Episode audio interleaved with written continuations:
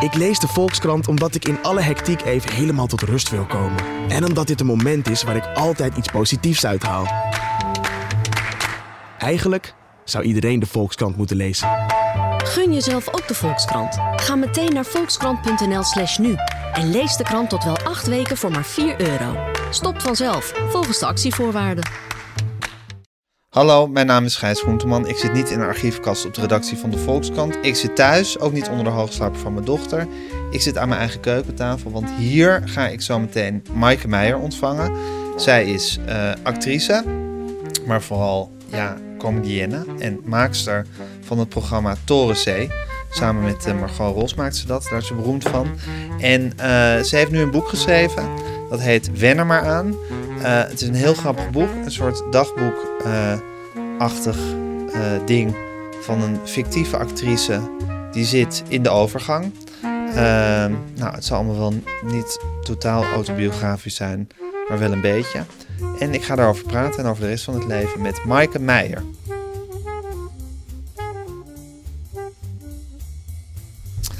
Maaike, hallo. Welkom Hallo. bij mij thuis. Waarom zitten we niet bij jou thuis? Nou, omdat er wordt verbouwd. Er wordt verbouwd en er, er, toevallig vandaag beginnen ze met de plinten leggen. En, en er was gezaagd. En ik dacht, ja, als we dat doen, dan, kun je, dan kunnen we elkaar echt niet verstaan. Nee, dat moeten we niet hebben. nee, nee. Maar ik had het wel leuk gevonden. Maar, uh, Waarom had je het leuk gevonden?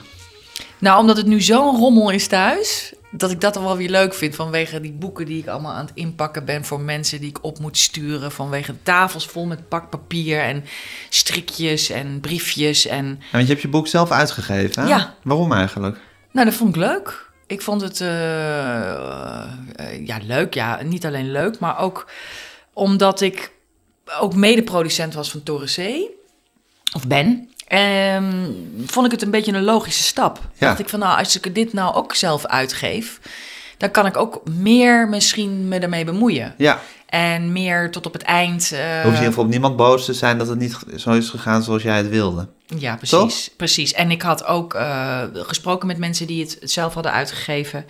En die hadden goede tips gegeven. En ik bevond me ook nog in de gelukkige positie dat ik dat team, met dit team kon werken met wie ik het boek heb gemaakt. En eh, met Harminke Mededorp, die mijn eh Maar je gaat nu alle namen was. noemen. Nee, dat mag ik ook een soort Oscar-uitreiking gaan Nee, ja, doen. nee, maar dat, dat wil ik toch even noemen. Maar, die, maar goed, dat team is zo fijn dat, dat het ook heel overzichtelijk was. Want we hebben het eigenlijk met z'n Het vieren... is niet zo ingewikkeld. Nee. Nee. Het is gewoon... En waarom ehm, wilde je het maken, dat boek? Ja, ik had daar ongelooflijk... Alles wat ik maak komt vanuit een enorme zin. Dat ik gewoon zin heb. Ik had er een paar jaar geleden al... eh, Dat was al ehm, volgens mij vijf jaar geleden... Dacht ik van, oh, dat zou leuk zijn, die, die stomme overgang om daar iets leuks over te maken. Of die fase in je leven om daar iets leuks mee te doen in plaats van somber, ehm, niksig, eh, bij de pakken neer. En het past ook wel in mijn stijl.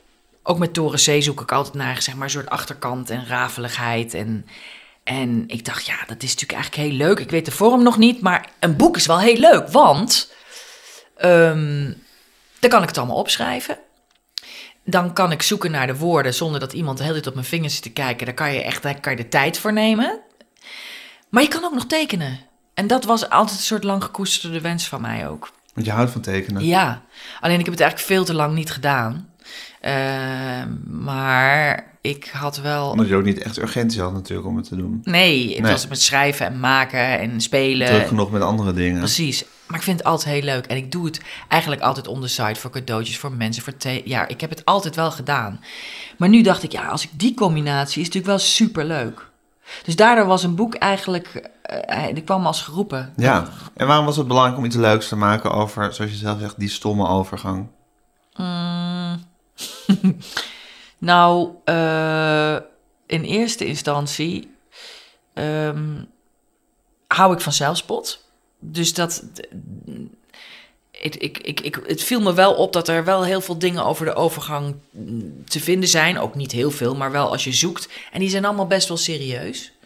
Zo van, het is een kloterige fase en je, en, en je komt in verval en eh, niemand kijkt er meer. En, maar zo zit ik niet in elkaar. Dus ik voelde ook wel dat ik daarin gleed. Namelijk het moment dat ik in de kleedkamer stond en mijn lichaam zag en dacht, ja, een paar rozemarijntakken ertussen en hup, eh, in een schaal de oven in, bij wijze van spreken. Of dat ik dacht, ja, dit is gewoon één grote polenta-prak wat hier nog gebeurt. Wat, wat, wat Heb je dat nog daadwerkelijk gehad op het moment? Echt, op Ja? meerdere keren. Dat je ziet, dat je denkt, Maar wat zie je dan eigenlijk ineens? niet meer diegene die je was. Want je lichaam verandert, als je de overgang raakt. Je lichaam verandert, je, je vel wordt dunner, je huid gaat hangen. Je, ja, mensen, eh, zet maar even een koptelefoon op. Ehm, het is gewoon, eh, je kan hem nog wel even... Verandert je vorm ook? Ja, je vorm verandert, je heupen verdwijnen. Je wordt rechter. Het wordt meer een, zeg maar, een soort magnetron daar, in plaats van een taille. Ja. En Ik heb een vriendin van mij wel eens horen zeggen... alle vrouwen veranderen in Spongebob. Keek nooit naar Spongebob. Maar het Nou is... goed, je kent Spongebob toch wel? Jawel, hè? tuurlijk. Figuur. Het is gewoon een geel, geel Vierkantje. Ja, nou, dat is wel een beetje waar. Het is een beetje waar. Het is alleen ehm, eh, ook qua absorberen trouwens. Want je gaat ook steeds meer drinken. en eten. En het enige verschil is dat... Want ik ben best wel slank. Ik bedoel, van mezelf, want mijn bouw is helemaal niet... eh, ik heb daar nooit problemen mee gehad. Maar het verandert dus toch zodanig dat je er geen invloed meer op hebt. Dat je er een soort van invloed hebben op verandert in overgeleverd aan of zo. En ja, als je precies. Dus vroeger, kon je, da- als je een paar kilootjes te zwaar was... dacht je, ik ga lekker trainen. Ja. En dan zag je er na een paar weken, na een week of zes... zag je er weer helemaal patent uit. Ja, En hier valt gewoon tegen deze verandering... valt, Nee. valt niet tegen op te nee, trainen. er is, deze buik gaat er gewoon nooit meer af. Je hebt toch helemaal geen... nou. Nee, nee, nee, Ik maar- nee, je maar niet allemaal complimentjes te gaan Nee, nee, geven nee, maar dat is ook waar, dat hoeft ook niet. Maar dat is, dat, is natuurlijk ook, ik vind het ook helemaal niet erg. Nee. Maar het is wel, Nee, en ik heb Eh. me ook voorgenomen om niet, zal maar zeggen, in de reflex te schieten om dan de hele tijd te gaan zitten. Want dat vind ik dan ook weer een soort seksisme. Je- Maar je ziet er toch nog heel patent uit? Of, eh, nou, dat valt toch reuze mee? ja, maar Gijs, het is allemaal perceptie, hè? Zeker allemaal perceptie, maar ik ga, dus, ik ga dus niet de hele tijd alles wat je zegt weerleggen door te zeggen dat het allemaal meevalt. Ja. Had ik me van tevoren al voorgenomen. Ja, maar je hebt het nu toch gezegd. Nou, maar die disclaimer wil ik even maken, dat je niet denkt, waarom zegt hij de hele tijd niet dat het, dat het, dat het, dat het wel meevalt? Je hebt het Snap nou al je? twee keer gezegd. Ja, maar je snapt wel wat ik bedoel. Ik snap wat je bedoelt. Sorry, maar het is echt... Nee, maar ik snap is- wat je bedoelt nee, en ik heb er zelf ook over nagedacht. Wat het interessant is natuurlijk dat ik Ja. in die reflex schiet. En dat ik aan jou merk dat je het ook niet leuk vindt om het te vertellen. Wat te vertellen? Nou ja, zo over die veranderingen en die huid en zo. Maar toch een klein hobbeltje over om erover te beginnen. Ja, weet je, want je wordt er toch. mm, Nou, je wordt er niet echt op afgerekend. Maar je rekent er waarschijnlijk jezelf het meest op af. Of je voelt gewoon dat het niet meer vanzelfsprekend is hoe je eruit ziet. En we hebben het nu alleen over de uiterlijke veranderingen. Maar je verandert natuurlijk ook van, van, van binnen op een bepaalde manier. Naar hoe je naar de dingen kijkt. Of hoe je. Je wordt gewoon een andere fase ingetrokken. En niet alleen door die hormonen, maar ook misschien doordat je door je omgeving die anders naar je gaat kijken. Door je kinderen die de deur uitgaan. Door gewoon door, door, door van alles. Het is echt een andere fase. Het is fascinerend, hè, Maaike? Ja. Ik vind het echt fascinerend. wat, wat vind je fascinerend? Nou, alles dat je A, A dat wat, wat een vrouwenlichaam allemaal door moet maken. Mhm. Brigitte Kaanop heeft daar een keer een fantastische act over Meesterlijk. gemaakt. Hè? Over met die, met die twee flip, met die flip over. Ja. Voor wat er in een mannenlichaam verandert en wat er in een vrouwenlichaam verandert door de jaren heen. De- ja, dat is, nou goed, dat, die moet mensen maar opzoeken Ja. op YouTube. Dan, ja, dat moet je doen, want die is dan, briljant. dan weet je het helemaal. Ja. En eh, nou ja, dat dan inderdaad de beloning na jarenlang eh, ongesteld zijn, borstvoeden, kinderen baren, uitdijen, weer inkrimpen, alles. Dat de beloning dan is dat je in de overgang raakt en dat dat... ja, dan krijg je helemaal een trap de afgrond krijg je in. helemaal een trap de afgrond in. Ja. Eh, Waarom begon ik hier? Oh ja, dat het fascinerend is. Ja, dus wat, dat ik het fascinerend vind wat er allemaal in een, met een vrouwenlichaam gebeurt. Wat dat ook nog geestelijk allemaal voor implicaties heeft. En dus inderdaad dat die, dat die, dat die overgang, dat het ook een soort... Dat het toch niet prettig is om erover te praten. Voor, voor een vrouw, denk ik. Nee, maar ik maak het hiermee wel een stukje prettiger. Ja, Want ik vind het ook. ehm, eh, ik, ik, ik, ik heb misschien ook het geluk dat het. zijn, voor sommige mensen is het natuurlijk zo verschrikkelijk. Dat het, eh, dat het echt niet draaglijk is. Of het duurt verschrikkelijk lang. Ik ken vrouwen die 15 jaar in een overgang hebben gezeten. Sommigen komen er nooit meer uit. Nou, petje tel af. uit je winst. Stel uit je winst. Maar, en ik heb het daar met opvliegers en dat soort dingen wel, eh, dat heb ik, heb ik wel, maar niet zo heel. Het valt eigenlijk wel mee. Maar Ja. het is vooral die, die, die eh, wat ik bij mijn, mijn vriendinnen, met mijn familie, bij mijn, mijn nichten zie, dat je, je voelt, je verandert en je bent niet meer wie je was. Je, wordt, je gaat echt een andere fase in. En, wat dat, voel je dan bijvoorbeeld? Wat, wat, waarin, los van dat, dat je in de spiegel kijkt en denkt, dit ben ik zelf niet meer. Maar wat, hoe voel je je anders? Eh, nou, ehm, dat wat je, eh, en dat is het positieve eraan. Dat wat je vroeger nog allemaal, waarvan je allemaal het gevoel had dat je het moest omarmen, dat, dat, is, dat wordt minder belangrijk. Dus je Dus? focust beter. Wat, wat moest je vroeger allemaal omarmen? Wat Alles aankunnen. Alles willen. Alles moeten. Alle ballen in de lucht houden. Eh, en nu denk je, ja, dat gaat gewoon niet meer. Dus bijvoorbeeld, wat vind je nu heel onbelangrijk, wat je vroeger best wel belangrijk vond? Bijvoorbeeld iedereen pleasen of te vriend houden. Of, eh, eh, nou ja, alles fantastisch kunnen. Terwijl nu denk je gewoon, ik, ja, sommige dingen lukken niet. Eh, een onvermoeibare energie hebben 24 uur per dag. Lukt me niet. Ik wil namelijk gewoon slapen om 4 uur 's middags. Ook vrij gênant. Maar dat- goed, die energie, die heb je even- dus gewoon niet die meer. heb je dus niet meer. Dus, Nee. je, dus, je- dus, dus, dus daar, maar, daar, ja, maar daar heb ik dan minder moeite mee nu. Ja. Want dan denk ik, nou, dan is dat gewoon zo. Vroeger wilde je gewoon altijd maar doorgaan. Alles doorgaan, alles aankunnen, altijd aan. En nu ja, dus je wordt eigenlijk ook veel laconieker over heel veel niet dingen. laconieker, zorgvuldiger. Met Ja, wat je dan wel je doet. zorgvuldig over wat, je belangrijk, wat belangrijk is en laconieker over wat in feite onbelangrijk is. Ja, ja. Ja. Dus inderdaad, dat- eh, mensen te vriend houden die je eigenlijk helemaal niet te vriend wil hebben, Ja, eh, doe je niet meer. Eh, je opwinden over dat je moe be- bent, doe je ook niet meer. Want dan ga je gewoon lekker slapen. ja, Je middagdutje. ja. Ja, En dan, dan wordt dat nooit tien minuten wat je dan hoopt. Maar zoals in mijn boek, soms anderhalf uur. ja. En dan komt je zoon binnen en die zegt dan, het lijkt hier wel een mortuarium. Dat, dat, dat soort dingen krijg je dan ook. Ja. Dat is ook natuurlijk heel gênant als Ja. je ouders, want dat is mijn man ook, weet je, die komt uit zijn werk en dan ben je gewoon allebei heel moe. Die is ook die is 56. En dan denk je, nou, ik ga even liggen. Nou, dan ligt het gewoon, dan lig je gewoon anderhalf uur te slapen. Dat is gewoon helemaal niet leuk voor een kind. Nee. Om daarin binnen te komen uit school. Ja, Dus dat is dan weer dat andere. Maar goed, mijn manier, dat is dus om daarnaar te kijken, is altijd van dat ik er toch om moet lachen ook. Omdat ik het plaatje zie van dat kind wat binnenkomt in dat huis waar twee ouders op een bank liggen te ronken met een teringherrie. Want ze snurken allebei. En je denkt, mag dit anders? En dat is dan wel jammer, want dat was vroeger niet zo. Ja. Maar. Daar stond je gewoon op dat moment leuk, ehm, weet ik veel wat, te doen. ja. Eh, het is niet meer eh, eindeloos of zo, die energie. Dat voel je wel. Maar misschien komt dat, wordt dat hierna ook weer beter. Nou ja, dat. We zien het wel. We zien het wel. Ja. Maar je bent er eigenlijk, dus niet ongelukkiger van geworden. Nee, nee, zeker niet. Nee, helemaal niet. Ik, en ik, Dus het hele oud worden, ja, behalve dat, bedoel je, tot op heden vind je het eigenlijk helemaal niet zo erg. Niet dat je oud bent, het ouder worden. Nee, ik vind het helemaal niet erg. Ik ben natuurlijk ontzettend... Ik, ik prijs me rijk dat ik tot nu toe... Even afkloppen. Gewoon zonder kleerscheuren afkom. En dat je gezond bent. En dat is allemaal cliché, maar het is, is zo fucking waar ook. Eh, ik... ehm, eh, nee, ik vind het helemaal niet, helemaal niet erg. Ik vond 30 worden erger dan 50 worden. Waarom vond je 30 worden erg? Ja, dat weet ik niet. Dat vond ik toen Maar je vreselijk. hebt ook eigenlijk als hoofdpersoon in dit boek eh, gekozen. Iemand die een soort incarnatie van je oude zelf was. Ja. Namelijk een actrice die, het nog, niet, die nog niet haar plek gevonden heeft eh, in, in, in haar carrière. Ja. Laat ik het zo zeggen. In het leven misschien wel, maar niet in haar carrière. Eh, eigenlijk wat jij een beetje had totdat je, totdat je Toren Zee eh, ging maken. Dat het zo allemaal nog zo net niet was. Hè? Ja, Ja, dus misschien was dat ook waarom je 30 woorden erger vond.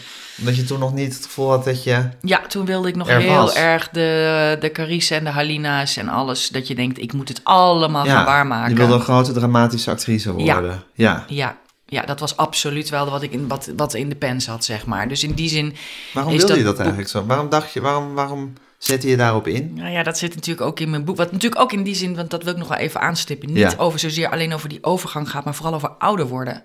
Ook voor mij, maar ook voor mannen. Want dat gaat, dat gaat Je wilt nu even je, je publiek vergroten. Ja, precies.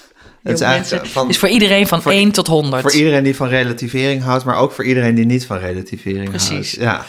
Nee, eh, het eh, gaat over oud worden, Nee, maar, het nee, maar, over nee, jong nee, maar anders denk je, nee, nee dat, Nee, het is ik- geen soort zelfhulpboek voor vrouwen in de over. Het is sowieso Ja. een hele geestige schets van iemand in een fase van haar leven. Dus Ja, ja. eh, ja, het is, nou ja, ik ben, ben blij dat je het zo noemt. Zeker. Maar dat, dat, dat, is, het is gewoon, het gaat echt ook over ouder worden. Want ik raak in het boek dus ook natuurlijk die overgang aan, maar ook gewoon het feit dat je ouder wordt.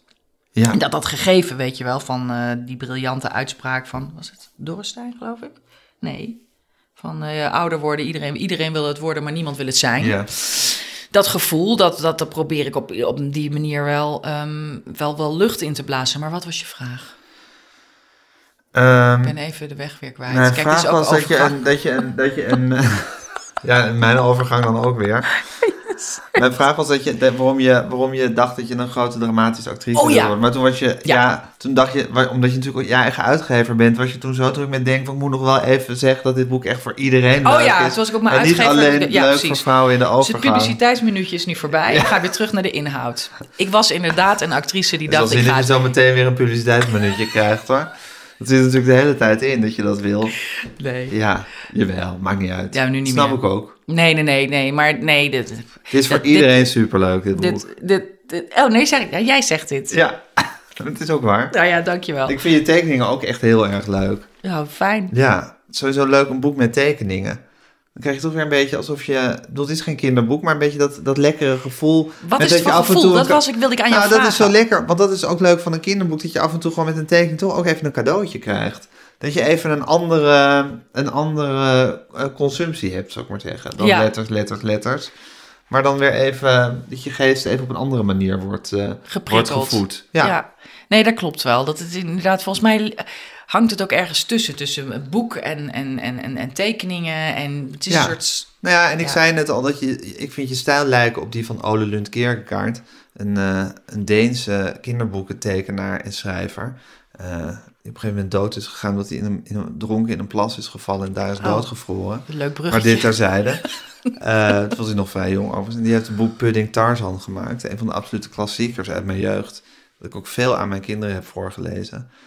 Dat is echt een van mijn lievelingsboeken. Ja. Nou, die tekeningen lijken een Dat- beetje op zijn, op zijn stijl, vind ik. Nou, leuk. Maar jij zei dat, die, dat je tekeningen met heel veel verschillende tekenaars worden Nee, vergeleken. nee, nee. Het is, het is mijn tekeningen zijn. eh, nou ja, nee, ik, ik, ik, ik, ik ben niet degene die gaat vergelijken. Want ik heb het. Wat voor mij is gewoon dat die tekeningen eigenlijk. Dat ik ontdekte dat ze nooit veranderd zijn. Dat ik eigenlijk altijd op deze manier heb getekend.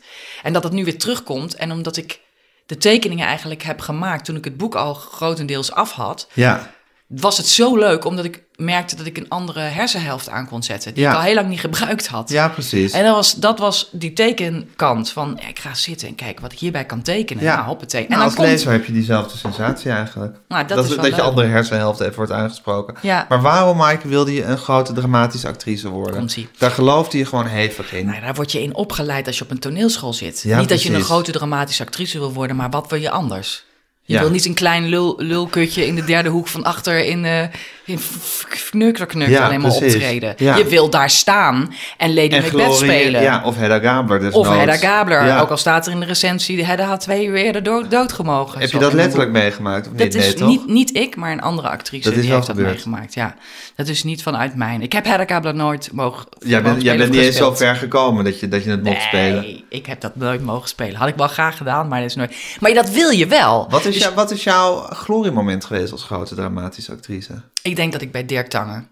eh, bij de Paardenkathedraal in Ja? Utrecht. Ja, ja, ik denk dat ik daar, in die vijf jaar dat ik daar gespeeld heb... Verstraten, de regisseur in het boek, is ook gebaseerd op eh, Dirk Tangen... Ja. waarmee ik gewerkt heb.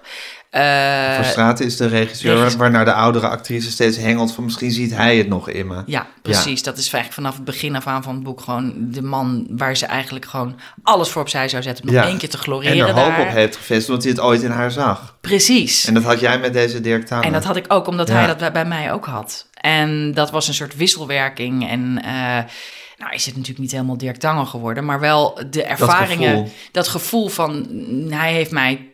Ik heb daar twee hoofdrollen gespeeld in Spoken en ehm, ook de, of, trouwens ook de Midsomernachtstroom hebben we Oh, gespeeld. Heb je toch een Ibsen en, En- Shakespeare Ja, ja, gloriëren. klassiekers. Hij was heel erg van de klassiekers. En ehm, eh, De Mensenhater speelde ik Celimene in. Dat was ook een grote rol. Dat waren stukken die, die hij volledig naar zijn hand zette. En Dirk Tanger was ook een regisseur die dat helemaal in jou naar boven haalde. Dat gevoel van zo'n zaal inpakken. En nou ja, waarvoor ik ben gewoon een opgeleid actrice. Dus Dat is heerlijk Ja. om daar te staan. Maar ik ontdekte ook al heel vroeg in mijn carrière dat eh, ik niet die actrice was die, ja, die zoveel gevraagd zou worden. Of dat het liep tussen mij bijvoorbeeld en de filmwereld. Nee. Dus ik merkte dat daar iets was wat gewoon niet. Beetje stroef. Ja, het liep niet en ik werd het ook nooit. Nee. En daar, dat is allemaal. Dat, dat, is, dat is natuurlijk op een gegeven moment. De ene mislikte auditie naar de andere De ene, komt er ja, en- voorbij in het boek. Which is life Ja. voor ons als acteurs. Want het Een is hard gelach, hè, dat leven. Ja, of niet, hè? Ja. Het hoort erbij. Ik denk dat heel veel mensen gewoon uit, met andere beroepen ook constant afgewezen worden in, in, Nou, sollicitaties. Ja, misschien. Toch? Maar op een gegeven moment heb je dan bijvoorbeeld een baan. Nou, dat is dan je baan eh, heel lang. En dat met dat, met dat Ja, acteren moet je natuurlijk wel elke keer die audities doen. En op een, op een manier is het wel heel erg je eigen hebben en houden wat je de hele tijd in moet gooien. Ja, Je moet daar toch zelfs aan. Ik heb je een keer eerder geïnterviewd en toen zei dat je in de Gelukkige Huisvrouw speelde met Carice van Houten. Ja. Had je, met, je had een rolletje en Carice van Houten had de hoofdrol. ja. En dat je dan, zou zeggen, in dat shot, en daar zag je gewoon, zag jij ook als consument, zou ik maar zeggen, van dat shot, dat je gewoon naar Carice van Houten keek. Ja, Ja, terwijl het een two-shot was. ja precies. Ja, en Nou, dat is natuurlijk het tragisch, daar kan je niks aan doen. Nee, En dan kan je acteren tot je een ons weegt en weet ik veel wat. Maar goed, zij heeft dat blijkbaar, ja, dat zeker als dramatisch actrice, dat je gewoon in die ogen gezogen wordt. Nou ja, kijk, dat, dat is eh, eh, voor mij eigenlijk heel goed geweest. Want in mijn leven is het, heeft het mij die schop gegeven van... oké, daar ligt het kennelijk niet. Ja, precies. Dus, Dus dat, moment dan van, doen? dat moment van die two-shot was eigenlijk ook een bepalend moment in jouw leven. Nou, misschien is dat wel eens een van de key dingen geweest. Ja. Dat ik dacht van, ja, nou, dat je dacht, ik, hier zit ik nu naast een, iemand die heel geslaagd is in het metier wat ik eigenlijk wil beoefenen. Ja. En je zag zelf waarom het was, waarom zij daar mega succesvol in was en jij niet. Ja, als, als, als je hoort vaker dat, dat cameramannen ook iets, of cameravrouwen ook Ja, iets hebben van, cameramensen. uh, cameramensen vooral, eh, het hebben, terecht hebben in hun métier van, iemand kleeft op beeld. En dat is ook zo. Als je naar bepaalde acteurs kijkt, zijn dat, dat, met beeld, en dat is iets heel anders dan op toneel. Dat vind ik een wezenlijk verschil. Want het Ja, een wil niet zeggen dat de andere kan. niet. Ik vind veel filmacteurs versa. niet op het toneel eh, om, eh, goed uit de verf komen. En omgekeerd ook, maar minder. Ik vind, ik vind het oermetier vind ik eigenlijk het op het toneel staan, maar ik ben misschien van de oude stempel. Maar dat is dat dat eh, dat, dat, dat zag ik wel van, van wat sommige mensen zo hebben. En die cameramensen dat eruit halen. Ik denk, nou ja, dat heb ik niet. Dus dan kan ik wel denken van ja, dat moet ik ook gaan ontwikkelen. Maar nee, ga zelf iets maken. En Dat, dat, is best wel er- een harde conclusie om voor jezelf te trekken. Ja, dan. maar ook een hele fijne. Want dan ben je dus eigenlijk al twintig jaar bezig of zo om iets Nee, te bereiken. nee, nou, de gelukkige huisvrouw was in. ja, ik denk, Dan ja, was je best wel al een tijdje bezig hoor. Ja, ja, toen was ik al wel een tijd bezig. Maar eh, dat ging dan echt met name over film- en televisiewerk. Hè? Ja. Dus niet over toneel. Nee. Waar want dat, dat, daar heb ik nooit eigenlijk een, eh, voor mijn gevoel een graf moeten graven. Dat, dat is gewoon altijd doorgaan. Alleen ik zelf wilde op een gegeven moment comedy gaan schrijven. Ja. En daarom maakte ik Toren C. Ja. Dat ik dacht, ja, daar ligt Ja, volgens en behalve jouw waanzinnige liaison met Dirk Tangen. Ja. Ja, goed, je hebt ook bij Carver gezeten. zo, Maar, je, maar dat is, zit eigenlijk al meer in de hoek van waar je nu ook in zit. ja, Maar dat je toch... Dat je niet helemaal het Ja. haalde wat je, wat je voor ogen had... toen je nog in dat klasje op de toneelschool Nou, zat. dat je echt denkt van, oh, dit shot is nu op mij geweest. Die camera is, is actie geroepen. Ja. En dan speel je een scène, er wordt actie geroepen. Je leeft je in. Je hebt die tekst van binnen en van buiten geleerd. Die camera staat op je kop en je speelt die scène en er zit een soort traan in je ooghoek. En je denkt, nou, dit was zo fucking briljant wat ik hier heb staan te spelen. En, en fijn, het, het- en we zijn gestopt, roept de cameraman. Nou, of- eh, eh, en eh, die film komt in de bioscoop en je ziet het terug en je denkt... Ja, het is goed, maar dat. Ja, Dat je denkt, daar doe ik het niet voor. Dan ga Nee. ik iets doen wat ik gewoon echt Ja. wel helemaal uit want dat heb jij dus wel in je. Je wil wel het uiterste uit jezelf halen. Nou, mijn Je lol doet het niet voor er. een beetje. Het moet lol, het moet leuk zijn. Het moet, het moet stromen, zeg ik. Ik zeg dat ook tegen mijn kinderen. Daar zijn waar, je, waar het stroomt. Waar je lol Het is zit. allemaal wel makkelijker gezegd dan gedaan. Nee, Nee, ik vind het wel heel goed om dat te ambiëren, maar het is wel ook wel moeilijk om soms te weten waar het, waar het precies stroomt. klopt. Voor sommige mensen is dat moeilijk. Ik, heb, ben, een, ik ben een zondagskind. Ja? Ja. Dus het is voor jou eigenlijk nooit moeilijk geweest, ook niet in de tijd dat je nog niet helemaal je plek had gevonden. Ergens wist ik, het zit ergens anders. Ja, Ik moet maken, dingen maken. Ik moet niet uitvoeren alleen maar voor, voor iemands anders idee. Een regisseur, een, een ding en dan dat is het. Ik moet ook iets zelf maken. ja, maar daar heb je toch gewoon een beetje iets te lang mee gewacht misschien. Nee, het duurde gewoon lang voordat ik dat durfde of, of wist wat dat, Ja. wat dat dan was. En dat het vooral ook in comedy lag. Ben je eigenlijk een blijmoedig iemand, Maaike? Ja, Ja? een blijert. Ja? Ja. Altijd geweest. Nee, ik heb ook wel een daar. Ook wel daar Ik gezeten. heb ook wel een de onderkantje. Klinkt vies, hè, dit onderkantje. onderkantje. Zeker omdat boek. het zoveel over het onderkantje gaat In het je boek. zijn ook hele leuke tekeningen van. Dit was geen... eh, Nee, dit is geen Publiciteitsmomentje. Nee, je hebt op een gegeven moment ook inderdaad een heleboel ja, kutten Ja. getekend. Ja. Wat vond jij daarvan? Leuk. Eh, informatief. Oké. Nou, ik heb er zelf geen, hè. Nee, ja, maar misschien... Ik heb er wel eens één gezien. Ja. Ja, kijk, want je hebt dan een blije kut, een teleurgestelde kut, Ja. een brugkut. Zo heb ik er, nou, zo heb ik er nooit naar gekeken. Nee, maar ja... Kijken vrouwen wel zo ook, naar, eh, naar geslachtsdelen? Nou, ehm, ik weet niet. Als je, als je misschien een keer wil weten hoe die eruit ziet... mm, dan kan het wel een blij moment zijn dat je denkt van... dat je even kijkt van hoe, hoe, wat, wat voor een heb ik... En dan kun je dit boek bijnemen. En dan denk je van, nou, wat is Maar herkenbaar heb jij, heb, jij, heb jij zoveel bestudeerd? Ehm, Andere vagina's? Andere, ja, want mijn ouders gingen naar naturistencampings vroeger. Maar dat heb ik verdrongen. Dus ik, en toen Heb was je ik ook dat wel heel verdrongen? jong. Nou, maar misschien heb je daar deze informatie Ik denk, over deze... Want ja, dit is best wel gedetailleerd over nou, wat voor verschillende vormen eh, kut er zijn. Ja. Dus dat, die moet je toch ergens opgedaan hebben. Ja, of op de sportschool of in je, in je Ja, in de periode, dat weet ik niet. In de in, de- in, in, nou, ik heb de Mick Jagger kut erbij gedaan. Ja, Omdat ik natuurlijk altijd echt wel verliefd was op Mick Jagger vroeger. Dus die, dat, dat is wel een, misschien een soort stille fantasie geweest. Ik weet het niet, het komt ergens vandaan. En de andere vagina's, ja, die heb ik wel ook inderdaad bij de sportschool, eh, onder de douche. Ehm, ja, je, je, je dus ziet ze voorbij loer je wel een beetje over wat er, wat er, zoal, wat er voor vormen zijn. Nou ja, het is ook een beetje, het hoort ook een beetje bij dat zelfonderzoek. Hè, dat je inderdaad, ik noem het dan de waaierkut, maar dat is inderdaad gewoon dat het schaamhaar soms helemaal bijna tot de buitenkant van het been. ehm, Ja, eigenlijk als een soort slip. ja, ik moet je eerlijk zeggen dat nu ik overal die mondkapjes op straat zie liggen, vind ik net ook slipjes de hele tijd. Ik, heb, ik vind dat smerig. Ik heb dat dus zo. Ik, maar, dat, nou goed, dat is even dat ik dat net dacht toen ik hier aankwam fietsen. Lagen weer zo overal van die mondkapjes, een soort slipgevoel. Dit is ook een soort. Ja, het is gewoon niet zo aantrekkelijk, maar wel heel menselijk. Maar ja, Maar wat vind je precies niet zo aantrekkelijk? dat het zo lang. weet je Als- dat zo breed dan uitwaait, dat dan, dan moet je het wel een beetje Beetje bijhouden. bijhouden. Vind jij? Vind ik. En dat is zo niet feministisch. Terwijl ik toch echt wel vind dat iedereen gewoon lekker alles moet laten staan. Waarom zeg je maar dit ik heb dan? het voor mezelf. En nee, ik, hoeft voor niet jezelf. helemaal ehm, totaal, nou ja...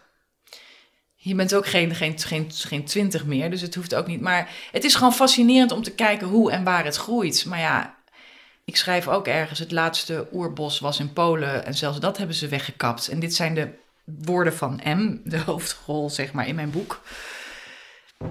Ja, het is, het is wat je vindt. Maar het gaat niet alleen over schaamhaar, het gaat ook over de vorm van de schaamlippen. en Daar gaat het ook over, ja. Ja, dat, dat, dat fascineert haar inderdaad ook. Van hoe, eh, hoe wordt dat en hoe verandert dat ook in de loop der jaren? Bij sommige vrouwen verandert dat ook heel erg. Een en, tekening ehm, van iemand met lange schaamlippen. Ja, waar ze op is gaan staan.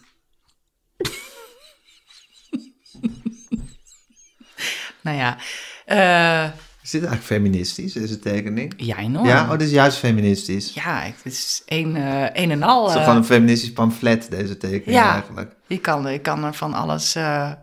je kan er, ja. Je, je moet het laten zien. Ja, niet echt, want dat is, dat is natuurlijk niet. eh, hey, en ik zei toen je hier binnenkwam van het boek gaat voor een heel groot deel over geen zin meer hebben in seks. En toen riep je meteen heel defensief, ja, maar dat is totaal niet uit mijn eigen leven gegrepen. Dat is helemaal niet autobiografisch. maar dat was natuurlijk indekken, hè, is dat. Want anders denk ik, nou, dan gaat hij naar vragen. Maar dan gaat hij natuurlijk toch naar vragen. Nou goed, nou als ja, er deels heel, is dat als natuurlijk. je er een heel, een, dit is een belangrijk thema in dat boek. absoluut. Absoluut. Het is toch ook heel is dat ook een van de veranderende dingen? Verandert je gevoel over seks? Ja. Ja, dat wordt gewoon minder. Want vroeger was het iets heel urgents. Ja, en dat is het niet meer. Dat vind ik ook wel jammer. Dat ik denk van ja, godver, nou ben ik 53. En eh, het is niet zo dat het, dat het totaal verdwenen is, want ik hoop wel dat, helemaal niet. Maar het is wel veel minder belangrijk. En dat vind ik ook zo fucking irritant. Want vroeger kon je er helemaal door overvallen worden. Ja. Dan moest je, moest ja, en dat, je. ja, dat het gewoon totaal, dat het gewoon een heel veel groot onderdeel van je leven, van je bestaan is. En je merkt gewoon dat dat minder wordt. En, en, en, en, en Is dat en eigenlijk niet ook wel rustig? Nee. Want het heeft je geen- ervan, van dat gevoel? Ja, tuurlijk. En, en Natuurlijk, dat kan toch ook heel ontregelend zijn? ja, maar het is ook weer niet zo dat ik de hele dag mijn broek uittrek Nee, en de straat op ren. Nee, maar goed, het kan zijn dat je dan plotseling ineens zo, zo door geilheid overvallen wordt. Ja, en dan maar dat is een heel- Moet je weer wat en... Ja, maar dat, dat, dat is meer zo'n, zo'n is ook een soort motor, hè? Een soort motor, iets wat, wat je zelf gewoon... Dus ik mis dat ik het niet mis. Kan je dat, kan je daar, kan je, snap je dat? Dus ik mis dat ik het gevoel niet mis. Ik kan soms denken, waar is het, waar is het nou gebleven of zo? Wat, Je bedoelt een motor, dat die, dat Seksuele die, dat die seksuele drive, om het zo maar te zeggen, ja. eh, dat dat ook een motor is om gewoon aan de gang te blijven.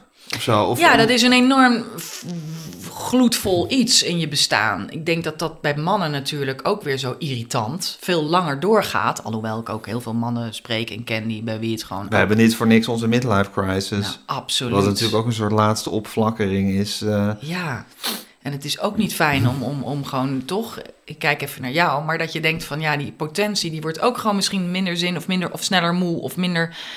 Ja, dat, dat zijn gewoon wel dingen. je bent geen twintig meer, Maaike. Nee, echt niet. Of 30, vooral Of 30. 30. Ik vond 30 nog, nog meer die leeftijd. Toen was je helemaal... Ja, vlak voordat je kinderen. Of, ja, ja, dat, dat, dat is gewoon biologisch zo, zo, zo bepaald. En je hebt natuurlijk nu allerlei eh, eh, dingen waardoor je het allemaal weer op kan wekken. En hele cursussen die je kan doen. En nou ja, ik, ik heb gewoon de tijd niet om erin te duiken. Maar ik vind het allemaal wel interessant. Maar het is wel een gegeven dat voor een deel is dat wel. Ik denk dat, dat er voor heel veel vrouwen met name Ja. wel herkenbaar is. Maar wat natuurlijk fascinerend is, vind ik, is, eh, en dit geldt voor mannen natuurlijk net zoals voor vrouwen, dat zou maar zeggen, de, de, je, hebt, je, je, je zin in seks wordt, ik wou zeggen minder, maar laten we zeggen anders. Ja, Dat- dat minder. Nou, Ja, je zin in seks wordt minder. Dus Ja. op zich mis je de seks niet, want je hebt er minder zin in. Maar je mist gewoon dat, dat gevoel van vroeger. eh, dat je, eh, dat je Dat je dat wel had. En dat je dan dat je, dat je de wereld op wil eten, bij wijze van Ja. spreken, om gewoon ook die, omdat die lust daarbij hoort. Ja, ik heb het over mezelf, hè? Want Ik denk dat dit heel een- veel mensen hebben dat misschien. Of vrouw, je hebt ook vrouwen die zeggen van... man, ik ben zo geil als een bos uien... en ik loop de hele dag, eh, ik weet niet Tuurlijk. waar. ik- Ook van over de 50. Maar het is natuurlijk ook wel interessant wat dus inderdaad die, die, die seksuele eh, drift dus voor een invloed heeft eigenlijk op je hele bestaan. Ja, En je hele bestaan draait heus niet alleen maar om neuken. Maar goed, dat, is, dat is dus toch iets op de achtergrond wat de hele tijd, wat, wat, wat de boel een beetje gaande houdt. En misschien wat jij zegt van dat je, dat je allemaal dingen minder belangrijk vindt, heeft ook te maken met dat je dus die seks minder belangrijk vindt. ja. Dus dat je inderdaad niet meer iedereen wil pleasen. eh, dat je het niet erg vindt als je gewoon eh, voor dood op de bank ligt, middags. Dat heeft ook te maken met dat je niet meer de hele tijd hoeft. Nee. Nee, en daarom zijn die dingen die ik, die ik beschrijf over momenten in paskamers... of dat mannen wel of niet naar je kijken... of vrouwen wel niet naar je kijken. Want ik vind het net zo belangrijk dat vrouwen naar je...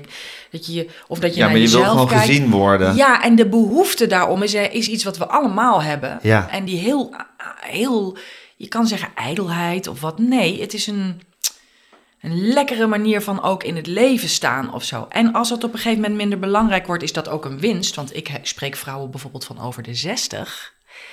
Dat is ook weer heel interessant. Die hebben dat al helemaal achter zich gelaten. Die staan in een enorme eh, bloementuin van hun leven weer. In de zin van, what the fuck, ik, ik heb dat allemaal niet meer nodig. Ik laat het allemaal al lang achter me. Ja. Ik begin opnieuw. Ja. Maar daar, daar, dat heb ik dus nog niet. Dus Jij ik bent- zit op een soort dusk till dawn-achtig, hoe heet zo'n Ja, moment? je zit nog toch een beetje in je rouw. Los van dat je er niet heel veel maar je, moet, je bent nog aan het afscheid Zoeken. nemen van dingen. Ja, wat Ja. komt daar dan voor in de plaats? Net zoals ik in het begin schrijf van, van, van dat je je lichaam, je oude lichaam is er niet meer. Het is een soort AliExpress van eh, wat je nu Ja. hebt van je, van je origineel geworden. Ja. De goedkope versie en alle onderdelen zijn niet meer leverbaar. Dat is echt heel herkenbaar voor mij. Dat, dat, dat heb ik, dat Ja, is echt van, ja, maar deze wil ik niet. Net als dat ik vroeger kreeg ik altijd een mindere Barbiepop, want die waren goedkoper. Ja. Maar ik wilde er een van de benen konden buigen. Van Mattel. Ja, van Ja. maar kreeg ik niet. Nee. Mattel, nee. Je kreeg wel een huismerk, Ja. Barbie. Ja. En ik wilde zo graag Mattel. Mm, mm, mm, die piep. Nee, dit, ja, dat mag nee. gewoon. Ja. Nee, maar dat wil, dat, weet je, dat gevoel. En ik zie ze allebei in je... Los van het feit dat Barbies natuurlijk redelijk belachelijk zijn, maar wel... Vroeger was het gewoon toch, dan dacht je, ja... Dat is zo onfeministisch van je, Maaike. Ja, het valt me zo van je tegen dat je hier, dat je hier Barbie zit te promoten. Ja, Walgelijk. Kut. Sorry. Walgelijk. sorry vrouwen, want eh, ik vind niet dat jullie er als Barbies uit eh, moeten zien. Eh, mannen wel, overigens. nee, kens. nee, dat is helemaal waar. Nee hoor. Maar, Maar goed, dat je, voelt jezelf een huismerk Barbie geworden. Een huismerk Barbie. Alles is het net niet. Ja, Ja. En nu zit je nog in de periode van, van dat, je, dat, dat je daar een soort frustratie... of dat je, de- dat je denkt, waar, waar, waar is het zoals het was? Waar is het gebleven? En je hoopt dat je rond je zestigste... Nou, je- eerder. Je, je kent, of eerder, hoe eerder hoe beter. Maar je kent vrouwen die al wat verder zijn... en die daar gewoon helemaal chill mee zijn... ja, met hun oude zelf... en dan gewoon, Ja. en gewoon de, de wereld ligt weer aan hun voeten. ja, ja. Eh, in in, in, eh, in eh, Fleabag van Waller-Bridge Ja. Zit een geweldige scène inderdaad van een vrouw die die leeftijd bereikt heeft en tegen een jongere vrouw zegt van oh het is fantastisch. Het is allemaal nieuw. Het begint overnieuw. Het is er. Ik, ik, ik, ik begin nu te leven. Die, ik ben opengebroken. Het is een hele mooie scène. Omdat dat. En hoop je inderdaad- dat die seks dan ook weer terugkomt? Of weer, Nou, ik- weer, voor- weer, voor- weer goed wordt? Ik, dat, hoop, dat hoop je wel. Dat het gewoon. Maar die, ik bedoel, het, het klinkt nou net alsof ik een oude droge boon ben. Eh, maar ik bedoel, dat, dat is ook weer niet zo. Maar het is wel. ehm, nou ja, wat ik precies wat ik net zeg. Het verlangen. Om dat verlangen weer terug te hebben. Dat dat weer wat Ja. meer wordt. En er zijn ook heel veel vrouwen. Ja, we willen niet generaliseren. Die dat wel hebben. Ja, zeker. Dus die, die, die, die, die, die- maar die, dat is voor iedereen. is maar ik heb. Adelheid Rozen wel eens over haar overgang geïnterviewd. Ja. En die had precies hetzelfde verhaal, maar heel erg op zijn Adelheid Rozens. Oh ja. Ja, dat was- fantastisch. ja. Ja, gewoon heel enthousiast daarover. Van, en het is hier helemaal droog, er gebeurt hier helemaal niks meer. Dan stond ze naar de kut te grijpen. En eh, ja, gewoon zoals zij is. Ja, precies. Maar dat, dat staat daar allemaal in. Zeker, zeker. Maar dat je nu zelf... Ja. Maar ik bedoel, ik wil maar zeggen van... Nou goed. Nee, nee, En, je mag alles ehm, zeggen. Ja, weet ik. dat probeer ik ook te doen. Ik had een goede vraag, maar die ben ik vergeten. Nu door, deze, door, dit, eh door dit intermezzo.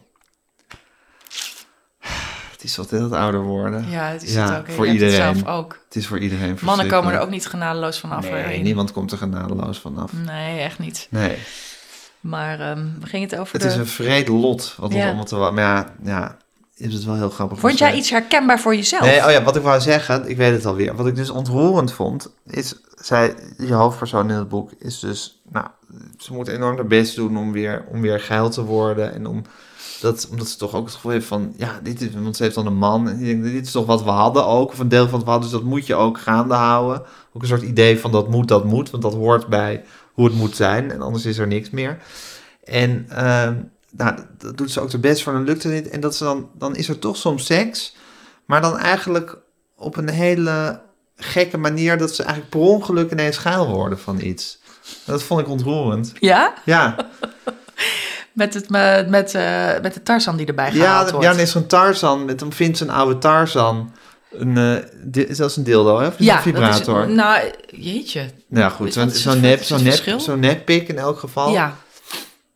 Ja. Ja, is eigenlijk een verschil tussen een dildo? Ja, want een niet. vibrator is iets wat alleen maar trilt eigenlijk, toch? Zo'n Ja. dildo is een hele... ja, dat beweegt niet. dat is gewoon een hele, een hele neppik. Ja. Ja. Maar je zal misschien ook wel dildo's met, met trilfunctie hebben, toch? Ja. Een trildo. Ja. Sorry. Maar goed, ze heeft een oude Tarzan gevonden. Ja. En die gaan ze dan proberen. En dat, dat, dat wordt het allemaal niet. En dan worden ze eigenlijk een beetje van de weeromstuit... worden ze eigenlijk dan toch nog een soort Beetje van opgewonden. Ja. ja. Wat ik dan ook heel, ja, wat ik dan heel grappig vond zelf is dat hij dat de, de batterijen bijna op zijn en Ja. dat hij dus eh, dat, hij- dat, ze, dat hij dan de, de uit de playconsole van, eh, de, van, van, van hun zoon de batterijen er even uitleent. Ja. Om, om hem toch weer tot leven te wekken, omdat dat ding zo. Ja. Ja, dat is ook treurig. Dat probeer ik ook echt. En daar in zo'n scène, want het zijn eigenlijk gewoon soort scènes, probeer ik dan ook echt op te zoeken wat ik dan bij Toren C ook altijd heb. Dat daar waar je eigenlijk van weg wil, dan ga je dan door. En dan denk je, hoe ver kan ik gaan met het opschrijven van deze scène? Dat het pijnlijk wordt of Ja. ontroerend wordt of gaat schuren Je of wil zo. in de narigheid. Ik wil in die narigheid terechtkomen. Daarom staat er ook van, nou ja, dat is alsof hij iets staat te mixen... alsof het volgende ei er wel weer door kan. Weet Ja. je wel, dat, zo klinkt dat onder die dekens. Ja, En ze proberen dat ge- oude gevoel, dat seksuele gevoel weer op te wekken... wat er Ja. eigenlijk niet meer is, maar je wil elkaar ook niet loslaten. nee. Ja, dat is ook volgens mij waarom je uiteindelijk in, in, bij goede stellen bij elkaar blijft. Omdat je dat in elkaar herkent. Dat moet wel een beetje gelijkwaardig zijn. Zou je het ook gewoon kunnen opgeven, de seks? Oh ja, ik denk... Oh, ik bedoel Nee, je? nee, nee. Men. Deel in het algemeen. Zou dat, Ik niet. dat... Ik denk dat dat wel heel vaak gebeurt. Vaker dan we denken. Heel veel. Ja. En niemand... Er zijn niet veel mensen die daarover dat- spreken. Nee. En zeker niet van onze leeftijd. Dat is, dit, dat is, ik denk dat, dat er een enorm taboe op rust. Dat, dat, maar ik denk dat er heel veel stellen niet meer neuken. En, en niet meer met elkaar. eh, wel gewoon liefdevol. eh, eh, maar op een gegeven moment, weet je, als je die strijd. Of, of, of, of het is te pijnlijk, letterlijk fysiek. Of het is. een man krijgt hem niet meer omhoog. Of een vrouw. Het, het Ja, is er gewoon. Het lukt gewoon. Het is er gewoon niet meer. Ja, dat je misschien Ja. nog wel een beetje masturbeert of weet ik zo. Dat wel misschien af en toe. Maar voor de rest is het gewoon prima zonder. Ik denk dat het heel veel voorkomt. Misschien trouwens ook wel bij jongere mensen, dat weet ik niet. Maar ja, Ja, er zijn ook gewoon mensen die er niet zo van houden. ja, nee. Nee, Ja. die heb je ook. Zeker. Maar ik heb ook bijvoorbeeld wel... Maar jij zou niet zonder kunnen. Nou, dit zou ik heel treurig vinden.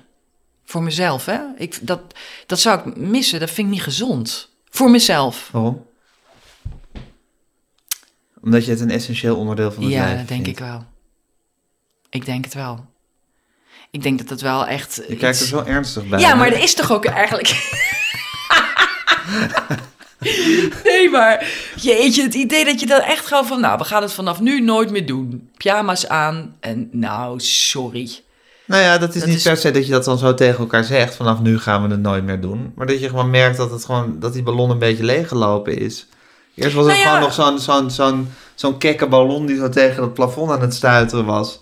Ja, op een gegeven moment is het zo'n ballon die zo een beetje zo, zo half leeggelopen op de grond ligt en niet meer kan vliegen. Ik heb nu over een heliumballon, hè, wat er met heliumballonnen gebeurt in een dag.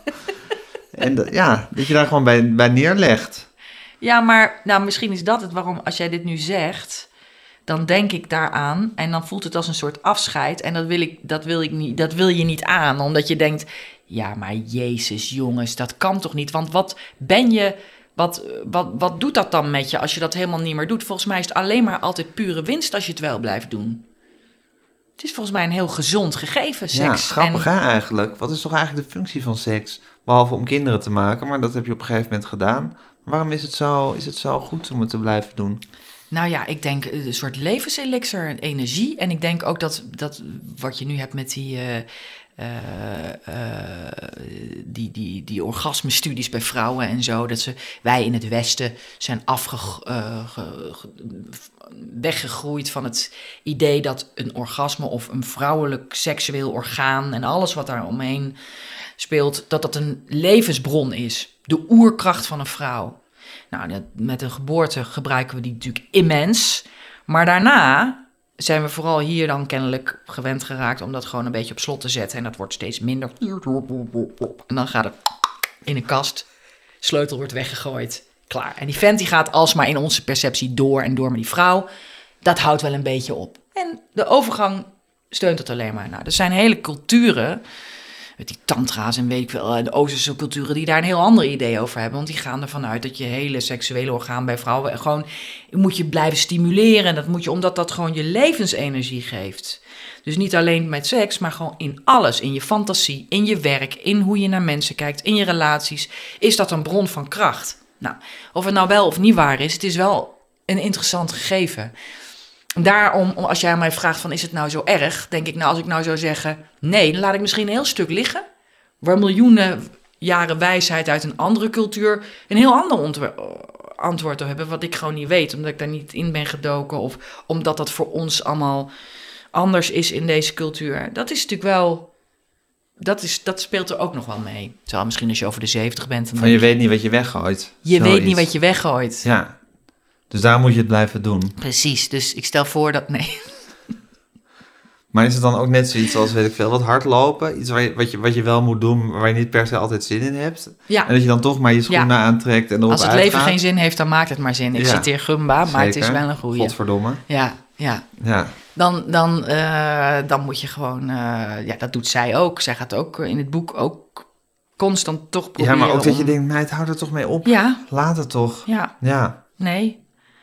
Nee, want ze voelt natuurlijk ook dat er vent nog wel in een, in, een, in een soort van flirt met andere vrouwen terechtkomt. En dat je denkt van, oh, maar als hij dat doet, dan betekent het dus dat hij mij niet meer wil. Of moet- dan moet ik ook iets gaan doen, iets gaan ondernemen om hem weer terug te krijgen. Dat ik van mezelf, mezelf weer als een soort seksueel wezen gaan zien. Oh god, dat heb ik helemaal verwaarloosd. Nou, we gaan aan de slag. Zoiets. Ja, eigenlijk is ze, zelf, is ze zichzelf voortdurend op alle fronten aan het toespreken dat ze, dat ze gaande moet blijven. Ja. Audities moet blijven Ja, doen. maar ook, ook in, je, in je seksuele leven vooral blijven auditeren. se- In je seksuele leven blijven auditeren. Ook in jezelf blijven investeren op allerlei manieren. Door, Ja. ja. wil, wil ze ook heel veel toneelstukken lezen en zo. Ja, ja, ja, gaande blijven. ja. Eigenlijk is ze voortdurend tegen zichzelf aan het zeggen, ik moet gaande blijven. Ja. Ja. Klopt. Wanneer begon jij jezelf als een seksueel wezen te zien eigenlijk? Oh jee. Ehm, vorige week woensdag. Was je er sorry. vroeg bij of niet? Ehm, nou ja, ik denk... eh, Herinner je dat? 13 of zo? Maar herinner je nog dat dat gebeurde? Dat je ineens, oh, dat je ineens dacht, oh fuck, dat is ook nog. Ja, ik zie, wil er leuk uitzien, want dan jongens en kijken. Maar herinner je je nog dat dat gebeurde? Ja, ik weet het nog zeker, omdat ik mijn uiterlijk.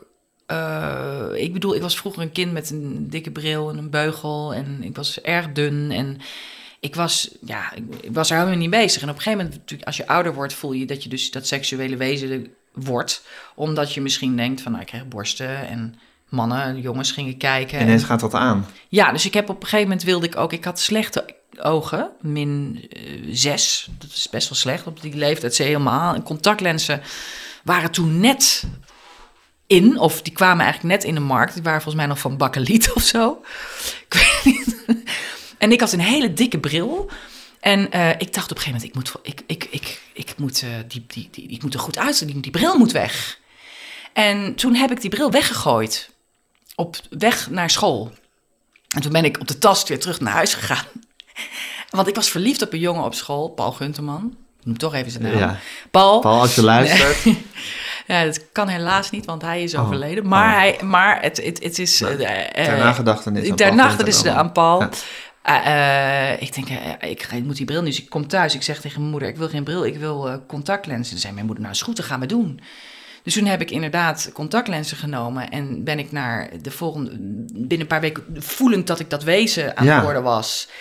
heb ik de stap genomen om op Paul af te stappen. En te zeggen, hi Paul, ik ben Maaike. Maar dat is heel leuk, want je, ma- je doet Ja, ook helemaal... Je gaat een je, gaat je borsten Ja. vooruit steken Ja, en ja. zo je schouders naar achter. Dit is haar- blijkbaar een soort universeel, universele houding van ik bied me aan. Ik bied me aan, Ja. Paul. Hier ben ik dan. Zo je haar naar achter en je kin zo naar voren. 14 jaar, 15 jaar, wat was ik? Nou, 14 of zo. En ik zei, hi Paul, eh, ik ben Maar dat is ook grappig, hè? dat je gewoon een lichaamshouding hebt waarin je dat Ja. uitstraalt. Ja, dat je echt denkt, dit moet ik in de strijd gaan gooien. Ja. Maar weet je wat hij zei? Hij keek naar aan en hij zei, ja, ik, jij had toch een bril? En toen zei ik, ja, ja, ja, ik had een bril, ja, echt. Met zijn hoofd van, nou ja, wie heeft er nou nog een bril tegenwoordig? Zei hij, ja, dat eh, stond je leuker. En het is ook nooit iets geworden tussen ons. Het is echt Wat gebeurd. een harde les in ja, het leven. maar wel als je het hebt dus over... Wanneer voelde je dat, dan is dit wel eentje die op, op omhoog komt. Toch een, echt een herinnering van ja, ik, ik, dat zijn echte momenten. ja, en dat was dus het moment dat je aan het groeien. ontluiken was. Ja. ja. Ja, precies. Dus wel weer in de knop gesmoord. Nou, Nee, daarna heb je toch nog ook nog wel wat jongens gehad, of niet? Zo. Nee, ik ben die bril gaan zoeken. Nee, niet in de struiken. Nee, ja, tuurlijk wel. Maar dat was wel een van de eerste momenten. Dus best, ja, eh, lang geleden eigenlijk, ja. Ja, goed, dat was, je, Ja. dat, dat was toen, Ja. je, toen, je, toen, je, toen je jezelf ontdekte als seksueel wezen. Ja, ja. ja. En hoe was dat dan een motor in je leven? Nou, dat is volgens mij de motor tot, tot verliefdheid. En, en, en dat je dan op de verkeerde jongens Was je vaak vallen. verliefd? Ja, helaas vaak onbeantwoord. Bijna altijd in mijn jeugd. Maar eh, ja, dat was wel jammer. Dat we heel lang op de verkeerde jongen verliefd zijn. Maar ja, Tot, in de, tot toen ik op Dat de is ook een hobby van meisjes, hè? Verkeer, verliefd worden op Ja, de hè? verkeerde jongens. Ja, Ja. Ja het- bij jongens maken daar misschien ook minder een punt van. Die denken gewoon, ah ja, het meisje, huppatee, pik in, het is winter, klaar ermee. Maar Ja. wij moesten, bij ons moest het allemaal weer kloppen.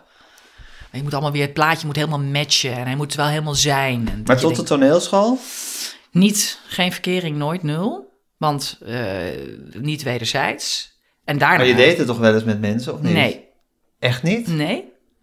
Nee, ik, ik was volgens mij 17 of zo. Nou ja, nee, ik was 17 toen- eh, toen ik... Voor het eerst het deed? Het deed. Ja.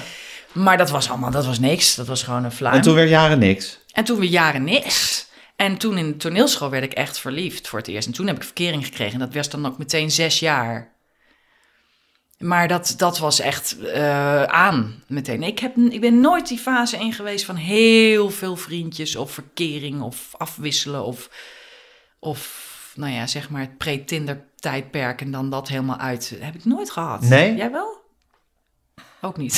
Schudt hij nee. Terwijl je zegt nee, zo van nee? Nee. Ja, maar dat is ook een interviewtechniek, hè? Oh ja, oké. Ja. Niet Beetje zeggen. verbaasd doen. Hm, beetje verbaasd doen. Ja. Maar dat is wel waar. Dus het is voor mij nooit... de- de- ja, En vond je dat jammer? Wilde je dat eigenlijk wel? nee, volgens mij niet. Nee. Nee, dat ben ik geen type voor. One night stands en dat soort eh, dingen. Nee. En ook niet om gewoon begeerd te worden en daar een beetje mee te spelen. Nee, veel te veel energie kost dat.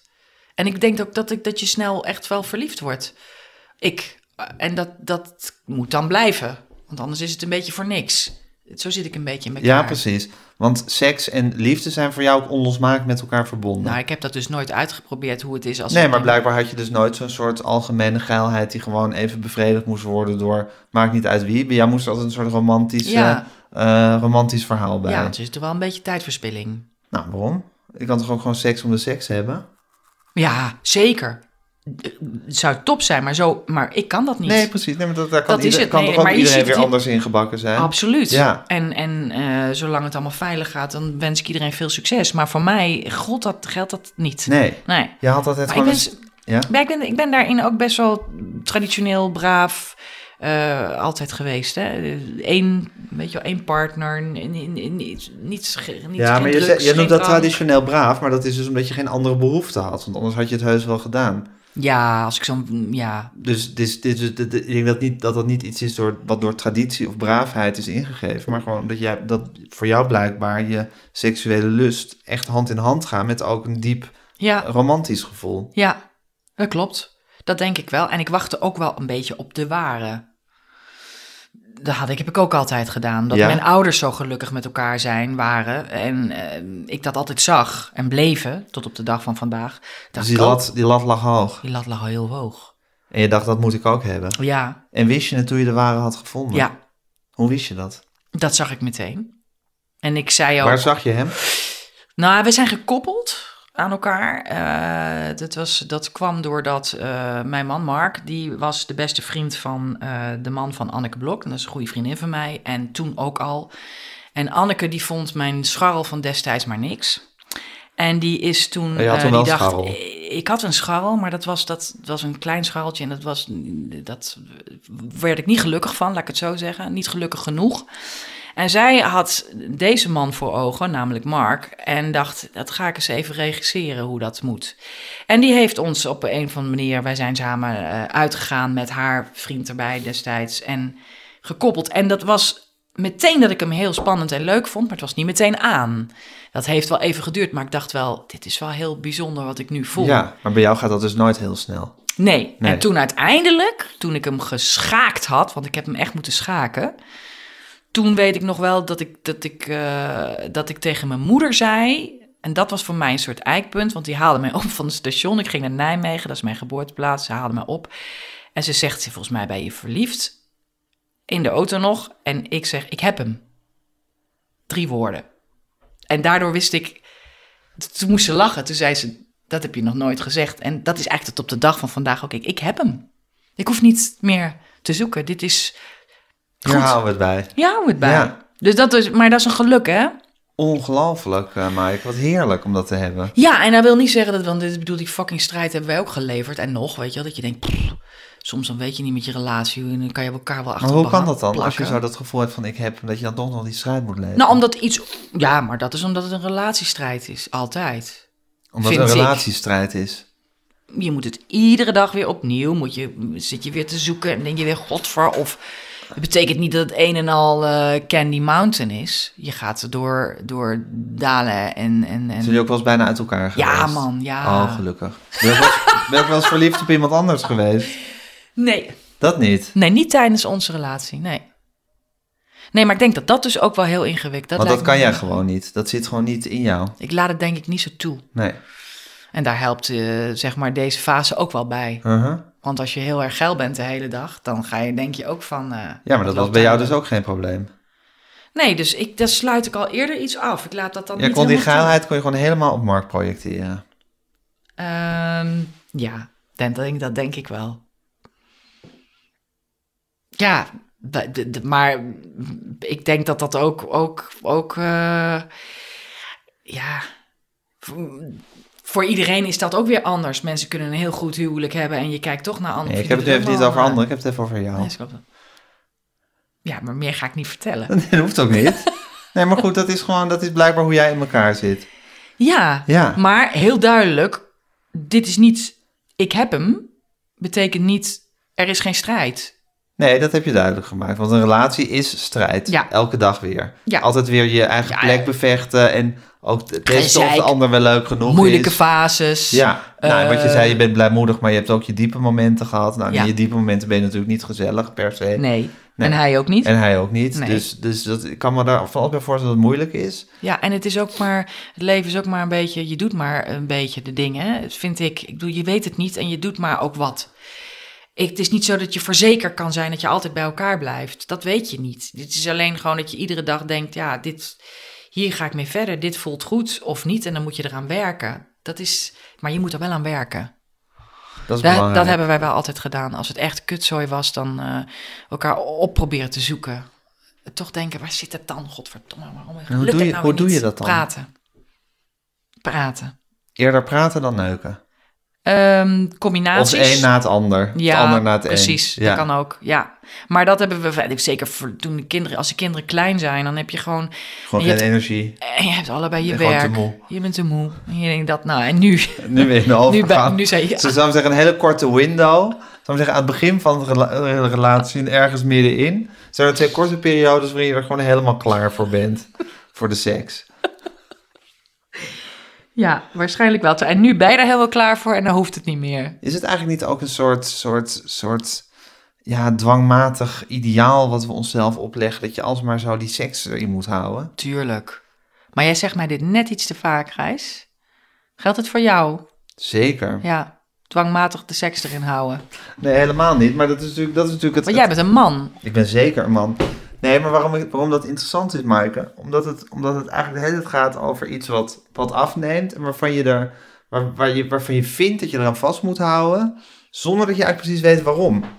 Het is een beetje alsof je helemaal geen trek meer hebt in chocola, of nog maar heel weinig trek hebt in chocola. En de hele tijd zo tegen zeggen, maar ik moet elke dag een reep chocola Ja, maar het hoeft eten. ook niet iedere dag, hè? Nee, maar goed, ik moet, ik moet chocola blijven consumeren. Nou, En omdat, dat vind ik eigenlijk zo interessant. Ik denk, ja, waarom is dat eigenlijk? nou, omdat als je wel seks hebt, voel je je daarna wel fucking lekker.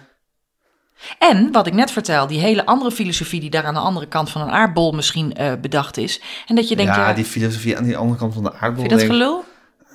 Ja, ik, ik geloof niet zo in filosofieën. Hmm. bedoel, omdat ze dan in India de Kama Sutra hebben verzonnen, of waar dat ook verzonnen is, zullen ze wel gelijk hebben of zo? Of...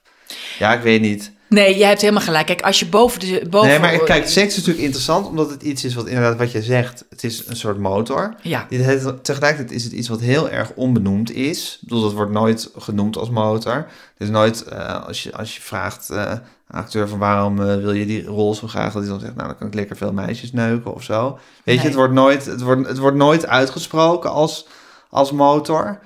En dan gaat het weer, dan, dan verdwijnt het weer blijkbaar, die motor. Maar is het, is het toch belangrijk? Het is, het is zoiets, zoiets vaags en ongedefinieerds wat er, wat, wat er de hele tijd doorheen zweeft.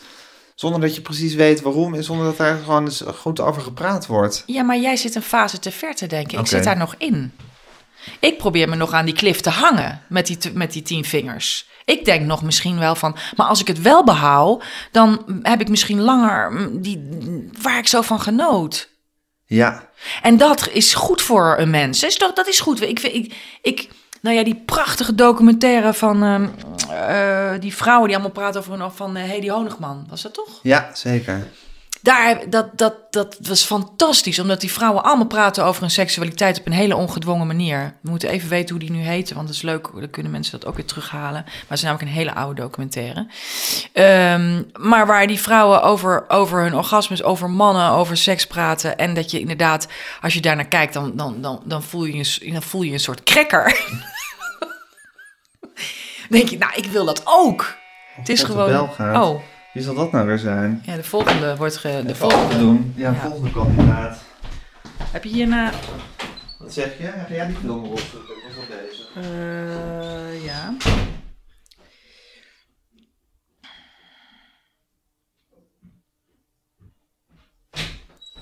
Oh, Amor Natural. Oh ja, oh, Amor Natural. Oh, Amor Natural, zo heet hij. Maar je hebt je... pakketje uit de behangrollen. Oh, ga je behangen? Nou, ik ben niet. maar Er wordt Nee, behangen. er wordt behangen. zal behangen worden. Goed, je moet altijd zorgen Ja. voor een juist behangetje. Nou goed, we hebben iets interessants. Eh, ja, Ehm, maar, eh, maar goed, dat is een onderdeel van, dat klopt. Daar gaat het wel ook over. Maar ook daarin humor zoeken, zeker. lichtheid. Ja. Ja, dat deed je met Torres natuurlijk ook heel veel humor over het seksuele. ja, Dat ging daar aanhoudend over. Ja, ja, precies. Dat je denkt van nou, hoe, eh, hoe, krijg ik de, hoe krijg ik de boel, hoe hou ik het levend? Ja, Ja, ja maar ook heel veel over de, de seksuele interactie tussen mensen ja, op dat kantoor. ja, Ja, ja, geile vrouwen of, ja, ja, of mannen ja, die willen of niet. ja. Ja, dat is een belangrijk, belangrijk thema in, eh, in je werk. Ja, in precies. werk. Ja, klopt. Dat zit hier natuurlijk ook in. Ja, dat, eh, nou ja, de boel gaande houden en eh, elkaar opzoeken. En eh, in Torensee was dat natuurlijk gewoon geweldig om te doen, omdat het een, toor, een kantoor is. Dus daar heb je een schijn op te houden. Dat eh, is natuurlijk... Ja, iedereen moet, zijn- moet zijn keurige functie vervullen. En, Ja. daaronder, en daaronder gist het en, in de toiletten en gebeurt gaat het. alles mis. Ja, Ja, ja. En onder de tafels en, en ja. ja. Er zit ook wel in hoe jij naar de mensheid kijkt, zit ook wel iets heel goors, hè? Toch? Goors? Wat, wat bedoel je? Nou, nou met Torres Evans sowieso altijd met, ook met, met heel veel, ja, die, die, die kak-explosies en, Ja, en iets, heel, iets heel lijfelijks, wat ook wel een beetje ranzig was. Nou, dat is hier dus ook met al die kutten die je hebt getekend en schaamlippen die uitlubberen en tieten waar laptops onder gehouden kunnen worden. En ja, het is, het is, ja. het is niet per se de, de schone schijn die jij eh, ziet Nee. in de wereld om je heen. Nee, ik probeer echt eh, te. Je ziet de aftakeling. En de, ja, die wil ik zichtbaar maken. En daar wil ik dat je om kan lachen. Dus de, de, de humor zit hem in. Ik, als ik denk van. eh, als ik nies en, en, en in ieder geval zeg eh, de vrouw in het boek niest. en ik schrijf, je hebt het gevoel alsof de Oosterscheldekering in één keer wordt opengezet. En het resultaat is dat je eigenlijk hydrokorrels in je onderbroek moet stoppen. Dan, dan ben ik heel blij met al die vergelijkingen. Want dan kan ik ze tekenen. En ik voel, voel dat heel veel mensen dat zullen herkennen. Want dat is ook de, de ravage na een bevalling. Of de eh, van je onderkant, zeg maar. In heel veel gevallen. Ehm, dat, daar, moet je de hum daar hou ik van, om daar de humor en de overdrijving van in op te zoeken. En dat, daar, daar zit natuurlijk, daar zit, daar zit het leuke van, van het schrijven van dit boek. Dus het is, het, is, het is natuurlijk allemaal veel groter dan wat het echt is. Maar Ja. dat, dat, is, dat is de lol. Ik moest er zelf... Zeker, dat is salon, maar Als dat je- is ook wat jij ziet. Ja, Jij zo ziet- zie jij zo kijk ik ziet- het, Jij ja. kijkt naar de mensheid Ja, als ja, mensen die hunkeren en die willen en waar Ja. ook iets viezigs in zit. Ja. Of viezig, maar iets, iets fysieks wat niet per se esthetisch is. ja, iets, iets ehm, wat ze het van zichzelf liever niet zouden willen zien. En dat valt mij op. Dat, dat, dat zoek ik in, in dingen en in mensen. Dat zoek ik in scènes, maar ook in, het, in mijn persoonlijke leven. Als me dat opvalt, dan kan het voor anderen gênant zijn, maar voor mij is het altijd een soort goudklompje. Dan schrijf ik het op en dan denk ik, dit kan ik ergens voor gebruiken. Ja. Ik wil een goed voorbeeld, want ik, weet bijvoorbeeld nog, we hebben met Teu Boermans, toen wij een voorstelling maakten, jaren geleden maakten wij een voorstelling, De Faust. Gustav Ernst had dat geschreven en dat was toen met de theatercompagnie, eh, speelde dat, de Oude Trust. En, en dat was een hele grote voorstelling waarin we allemaal naakt in een soort kunstwerk moesten staan. En dat repeteerden we in een oude loods in België. Waar we weken mee bezig. We zaten allemaal in hotels daar. was een ontzettende leuke tijd. En daar heb ik onder andere Anneke Blok leren kennen. En die scènes werden gerepeteerd naakt. En elke keer als we dat deden, stonden dus met 20, 30 man. Teu Boermans zette ons in een bepaalde positie in dat kunstwerk neer. En ik ontdekte op een gegeven moment dat we, dat er hing een bepaalde, ja, dit is echt heel, weer heel vies, maar er hing een bepaalde lucht, een lucht van uh, uh, schoonmaakdoekjes. En ik dacht, wat. En toen kwam ik erachter dat op die wc in die loods lagen van die verfrissingsdoekjes. Dat iedereen, voordat hij ging repeteren in zijn blote reet, zichzelf even verfriste met zo'n doekje. Dus iedereen ging zo ruiken, maar niemand sprak erover.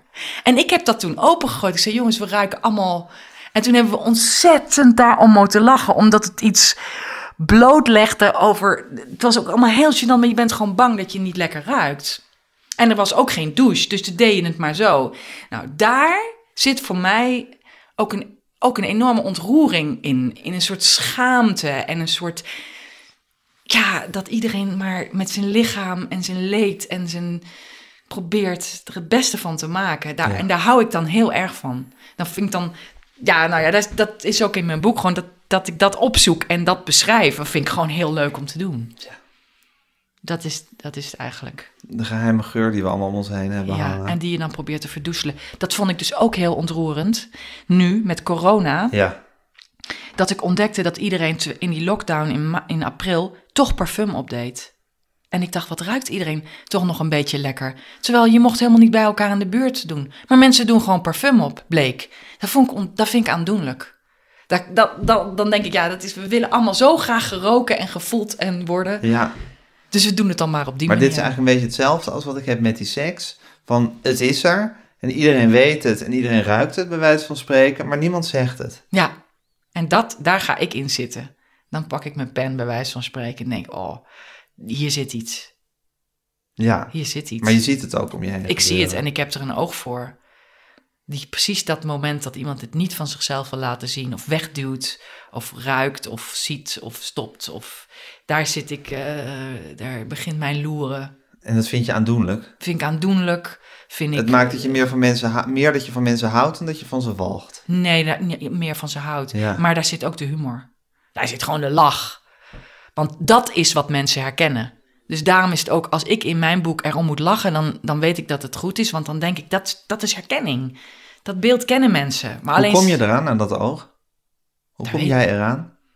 Hmm. Heb je het altijd gehad? Ja, ik heb het altijd gehad. En mijn vader en moeder hebben ook zo'n manier van kijken naar mensen. Ze hebben het allebei. Mijn moeder uh, heeft vroeger Bijvoorbeeld, die hadden we, hadden we dus nog de foto's gewoon, die haalden we dan bij de HEMA voor het, vakantieboek. En dan um, vond ze er buik te dik en dan knipte ze er buik eraf van de foto's. En dan heb je dus zo die rolletjes. En dan plakte ze alleen die rolletjes in het fotoboek en dan schreef ze erbij, nou, dit was ons rubberbootje. En dat is dus ook.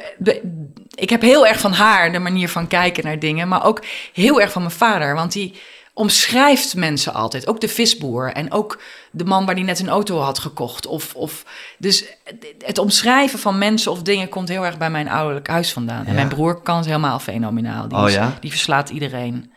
Die is, die is zo geestig. Die, en wat doet hij voor de kunst? Die heeft de Hoge Hotelvakschool gedaan. Die heeft een management. Die, die heeft vooral als manager en in, in uh, hotels. En waarom beschrijft hij dan geen mensen voor zijn werk?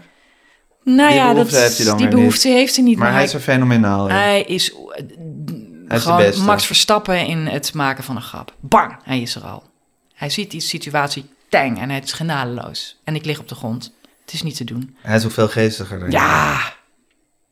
Dus, dat, dus dat is een heel erg familieding. De manier waarop we kijken naar en omschrijven van. Ja.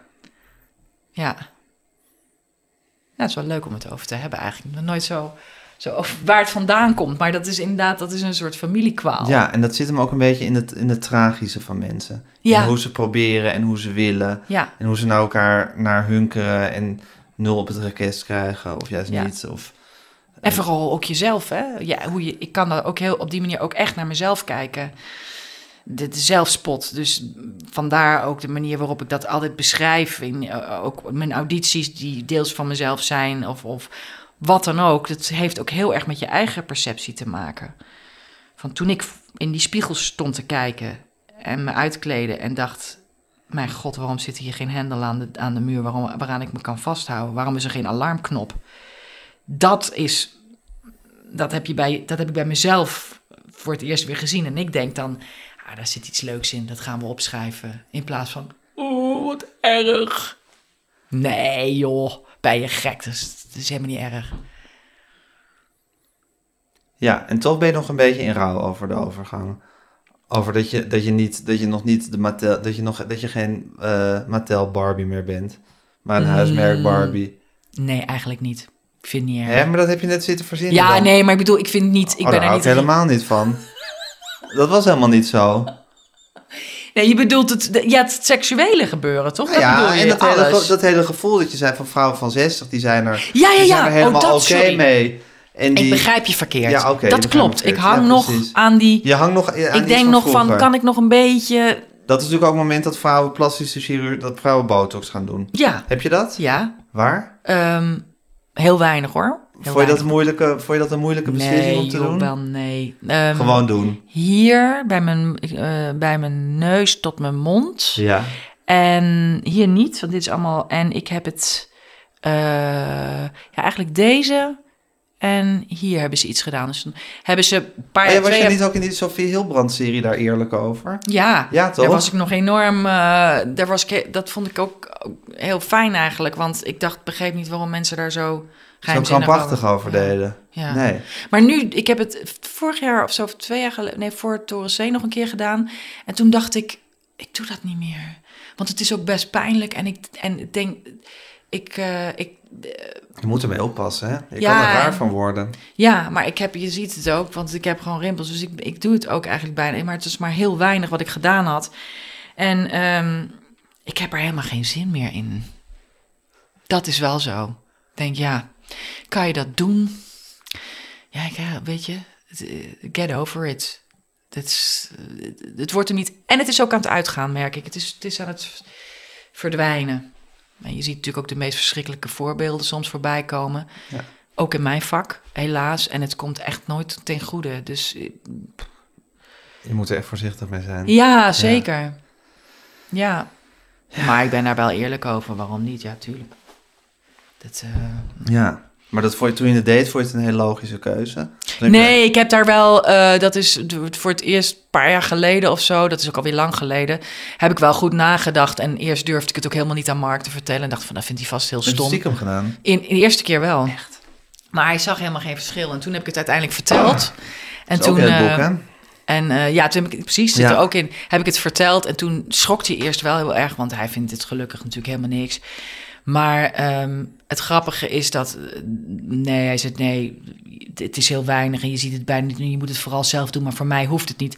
Maar heel soms gaan mannen om je heen ook vragen van, eh, god, toch even vragen. Eh, ik zit te denken aan, ik heb hier die kaaklijn. Hè? Heb jij dan? Nou, mensen zeggen dat van die ene rimpel, want dan zie je er zo boos uit. Ja. En dat wil ik niet. Ja. Dat is altijd het cliché waarom het dan gelegitimeerd Ja. is. Anders zie je er zo boos uit. ja, precies. Ik vind dat oude mensen er nooit per se boos uitzien. Nee, Maar goed, nee. nee. Doe jij, heb jij botox? Wat denk je zelf?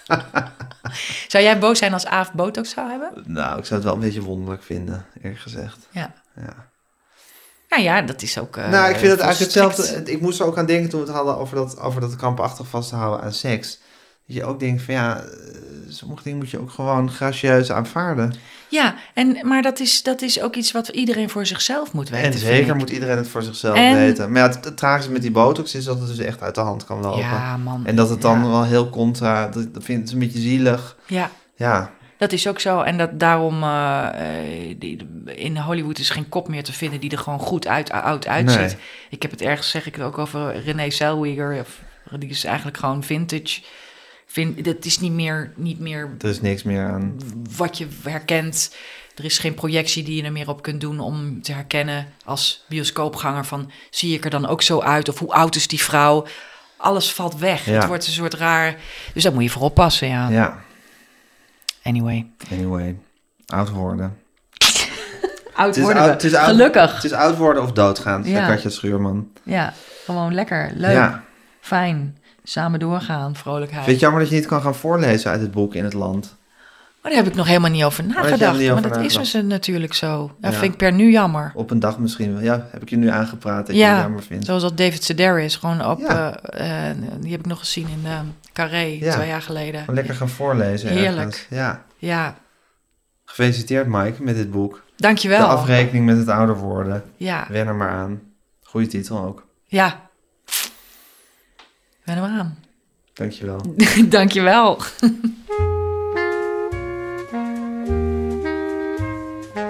Dit was Met Groenteman in het Nieuwe Normaal met Maaike Meijer. Mijn naam is Gijs Groenteman. Ik maakte deze podcast samen met Daan Hofstee. U kunt zich abonneren op alle mogelijke manieren. U kunt ons een e-mail sturen, podcasts.volkskrant.nl. U kunt ons volgen op Instagram, lekker DM'en. En geef ons toch vooral lekker veel sterretjes.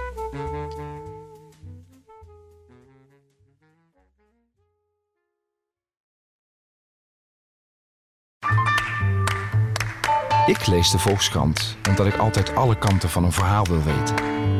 En ik nieuwsgierig ben naar de mening van anderen. Eigenlijk zou iedereen de Volkskrant moeten lezen. Gun jezelf ook de Volkskrant. Ga meteen naar volkskrant.nl slash nu.